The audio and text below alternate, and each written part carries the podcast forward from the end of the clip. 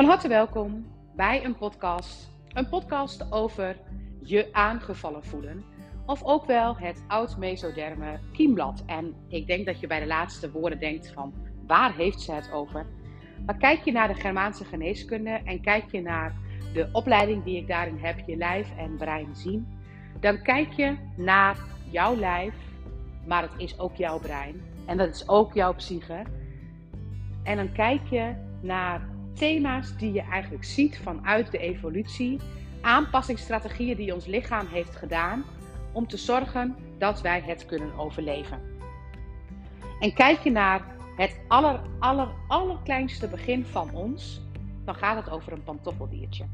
Een pantoffeldiertje die eigenlijk alleen maar kan innemen, opnemen en uitscheiden. En het heeft een innemende kant en een uitscheidende kant. En eigenlijk als je naar ons lichaam kijkt, dan is het pantoffeldiertje in mij het mond-tot-kont systeem. Oftewel, dat wat ik inneem in de mond en dat wat ik uitscheid via de kont.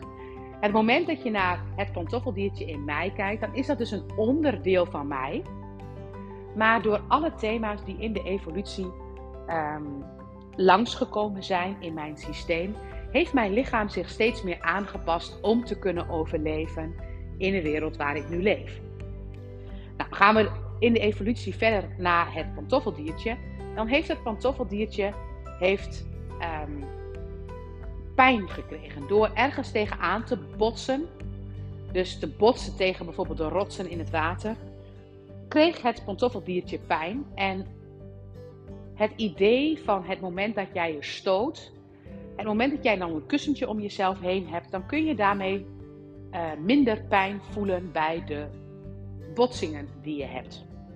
En dat pantoffeldiertje heeft dat ook gedaan en die heeft in zijn lijf heeft die vliezen gemaakt en in ons lijf zijn ook allemaal vliezen. En kijk je naar de embryologie, dat is eigenlijk de kennis van de manier waarop wij ontstaan, dan is het heel grappig hoe al die kiembladen in eenzelfde volgorde ontstaan, zoals ook in de evoluties er zijn ontstaan.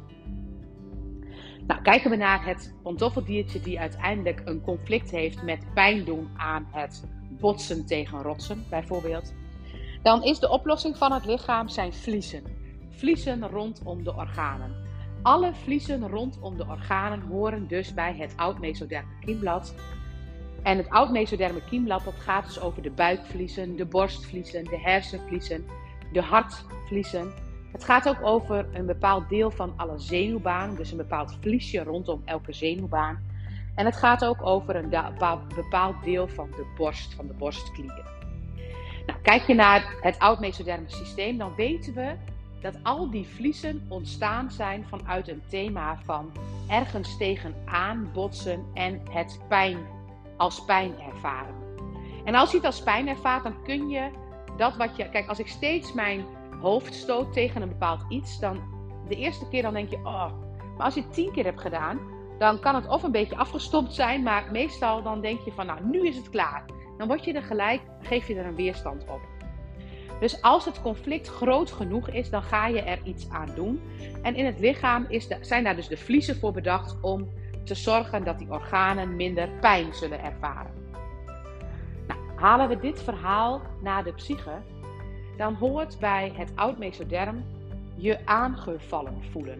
Er is een pijn van buitenaf die jij niet fijn vindt. En wat wij dus eigenlijk doen, het moment dat wij een pijn voelen van buitenaf die niet fijn is, is onszelf beschermen daartegen. Eigenlijk een soort van harnas of schild om jezelf te beschermen tegen de pijn van buitenaf. En dat harnas, dat hoort bij de vliezen. En het moment dat jij bijvoorbeeld tegen mij zegt: Jeetje, wat ben jij dom? Dan val jij mij aan, voor mijn gevoel, op mijn intellect. En dan gaat het over de vliezen van mijn hersenen die zich aan gaan passen. En stel je voor, jij zegt iets heel naas over mijn familie. En het is als een steek in mijn hart. Dan voel ik mij aangevallen bij de borstkas. En wat het lichaam kan doen om minder de aanvallen te ervaren, is een dikke huid maken. Jezelf dikke, een, een harnas bouwen. Nou, kijken we naar een harnas bouwen, dan hoort dat niet alleen bij dat wat het lichaam doet. Dat hoort natuurlijk ook bij de manier waarop we in onze geest bepaalde dingen doen. Oftewel, waarop je mentaal jezelf um, staande probeert te houden. En stel je voor, jij zou mij uh, steeds pijn doen. Je zegt steeds nare dingen tegen mij. Dan kan ik niet anders dan in het conflict een soort harnas bouwen om mezelf te beschermen voor dat wat niet fijn is om te horen. En daarmee zeg ik niet dat ik het niet hoor, maar daarmee wordt de pijn een beetje verdoofd. En als je naar kijkt naar aanvallen van buitenaf of beledigingen van buitenaf, dan zie je dat bijvoorbeeld bij pesten, bij pestgedrag. Je ziet het ook bij kinderen die heel weerbaar zijn. Dus het moment dat je gelijk een weerwoordje hebt, dan ga je eigenlijk, dan botst er blijkbaar iets tegen jouw harnas aan en jij kaatst het gelijk weer terug. Nou, die manier van interactie, die doe je alleen als jij je aangevallen voelt. Dus als ik hier ben en ik zou me aangevallen voelen, dus stel je voor ik ben bang dat jullie allemaal iets vinden van mijn podcast nu, dan zou ik het kunnen vertellen vanuit een conflict waarbij ik, zo gauw als iemand een weerwoordje geeft, gelijk een antwoord terug ga geven. Gelijk weerbaarheid tonen. Gelijk mijn harnas er laten zijn. En stel je voor dat wat ik zeg is pittig en vol aanval, want ik heb een aanval gekend, dan zal die ander daar ook weer met een aanval op kunnen reageren. Dus zo gauw als ik het gevoel heb dat ik mezelf weerbaar moet opstellen, dan voel ik dus eigenlijk in de basis pijn die mij zou kunnen raken. Anders hoef ik mijzelf niet weerbaar op te stellen. Kijk je dus via dit principe naar aanvallen, dan is het echt bizar hoe vaak wij ons aangevallen voelen. Bizar hoe vaak wij eigenlijk een weerwoordje moeten geven. Bizar hoe vaak we onszelf verdedigen.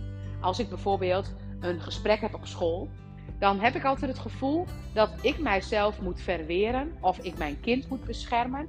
En daarnaast heb ik ook altijd het idee dat de juf zichzelf ook beschermt om maar niet het verkeerd gedaan te hebben.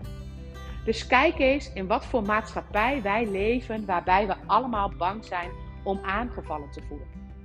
Hoe we eigenlijk allemaal verzekeringen afsluiten om onszelf een soort van te beschermen tegen heftige aanvallen van buitenaf hoe we ons eigenlijk willen verzekeren of eigenlijk hoe we onszelf um, een soort buffer geven om die pijn niet rechtstreeks binnen te hoeven daar te komen.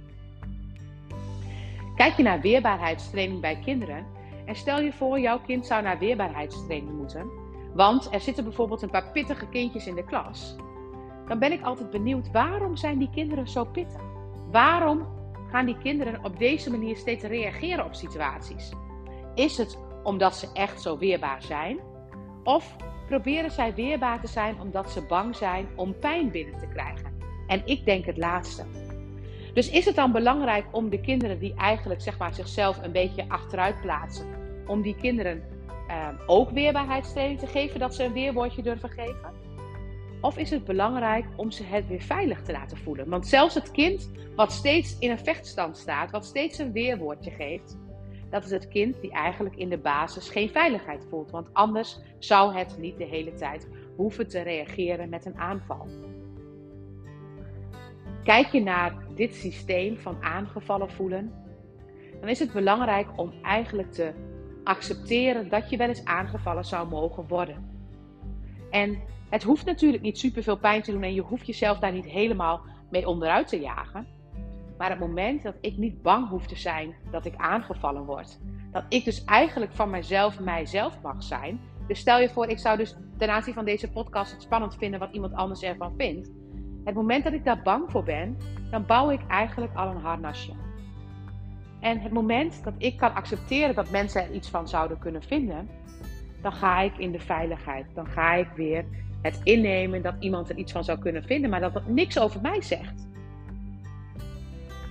Het oud-mesoderme kiemblad, het hoort bij bijvoorbeeld hersenvliesontsteking, pericarditis, buikvliesontsteking. Het hoort bij ehm, een bepaalde vorm van borstkanker.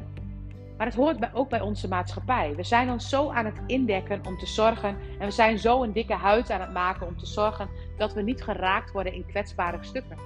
Maar hoe fijn zou het zijn als we niet bang hoeven te zijn dat we elkaar raken in kwetsbare stukken. En dat we eigenlijk als we dat gaan ervaren, als we die pijn durven te voelen, dat het niet doorlopen enorme zware rotsen zijn die ons uh, pijn gaan doen. Kan heel goed zijn dat dat waar wij ons nu voor beschermen eigenlijk iets is wat helemaal niet angstig is.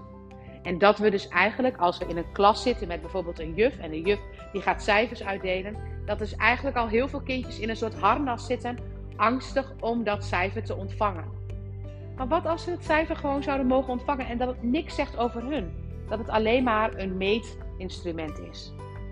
En wat als jij bijvoorbeeld naar een juf op gesprek moet voor je kind en dat je daar gewoon mag zitten als moeder van je kind en dat je het altijd goed doet en dat jullie allebei het, het beste voor hebben met je kind. Dat je daarop kunt vertrouwen. En wat als je bijvoorbeeld gaat vertellen dat jij bijvoorbeeld um, depressief bent en dat je je heel vaak niet fijn voelt. En wat als jij dan kunt vertrouwen dat het niet erg is om dat te voelen. Dat niemand je daarop aanvalt. Dat er veel meer mensen zijn die dat hebben. En dat jij je veilig kunt voelen bij dat wat voor jou heel naar voelt. Ik denk dat we dagelijkse situaties zijn waar we ons proberen te beschermen tegen aanvallen van buitenaf. Maar ik denk ook dat heel veel van die aanvallen prima te accepteren zijn. Dat we die eigenlijk helemaal niet zo hoeven te voelen. En dat we eigenlijk al verweer geven op het moment dat het helemaal niet nodig is. Hoe zou het zijn dat we die opmerkingen innemen? Dat we die opmerkingen opnemen. En dat we gaan zien wat het bij onszelf loshaalt aan pijn. Pijn die echt wel gevoeld mag worden. Want zonder pijn kunnen we denk ik ook niet onszelf ontwikkelen en laten groeien. Dankjewel voor het luisteren. En mocht je denken, ik wil veel meer van deze materie weten, je lijf en brein zien, dat is mijn opleiding. En deze opleiding is voor iedereen, want ik denk dat voor iedereen het belangrijk is om dit over jouzelf, oftewel over jouw natuur te weten. En het moment dat je dit zelf kunt innemen, opnemen en uitscheiden, oftewel dat je jezelf dit hebt eigen gemaakt, dat je met deze ogen kijkt, weet ik ook zeker dat je heel veel mensen daarmee zou kunnen helpen. Dankjewel voor het luisteren.